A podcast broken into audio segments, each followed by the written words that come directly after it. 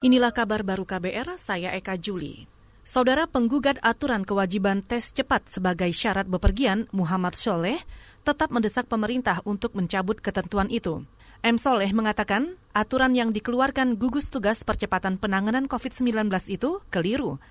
Ia menyebut syarat tes cepat bagi orang yang hendak bepergian merupakan tindakan diskriminatif dan sia-sia. Ia tetap mendesak aturan itu dicabut meski Kementerian Kesehatan sudah melonggarkan aturan itu. Rapid test bukan PCR, berbeda gitu loh. Kalau PCR itu memang mendeteksi orang itu terpapar virus COVID-19. Tapi kalau rapid test ini enggak, rapid test itu hanya untuk ngetes antibodi seseorang gitu. Dan itu tidak bisa dijamin kalau non reaktif dia tidak COVID.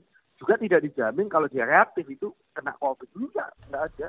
Penggugat rapid test Muhammad Soleh menduga syarat tes cepat justru dimanfaatkan sebagai ladang bisnis. Soleh juga menggugat peraturan itu ke Mahkamah Agung pada akhir Juni lalu. Namun hingga kini belum ada perkembangan nasib gugatannya.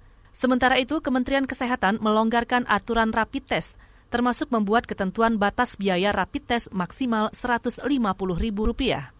Saudara nelayan di pesisir Cilacap, Jawa Tengah terbelah soal pencabutan larangan ekspor benih lobster atau benur.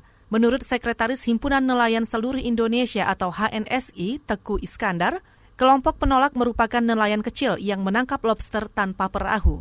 Bagi mereka, pembukaan ekspor benur akan merusak habitat lobster yang bisa mengancam sumber penghasilan utama mereka kan sebagian kecil nelayan tanpa perahu. Jadi mereka menangkap lobster itu ukuran-ukuran kecil. Terus dilegalkannya benar lobster itu mereka khawatir lobster kecil aja datanya musiman, apalagi kalau benurnya dia ditangkap, mereka mau makan apa, Wasa? Mereka penyampaian seperti itu. Ketua HNSI Teguh Iskandar juga menambahkan, sebagian kelompok nelayan yang pro ekspor merupakan penangkap benur. Jumlahnya tak kurang dari 1.200 nelayan yang sudah mendaftar ke Dinas Kelautan dan Perikanan Cilacap.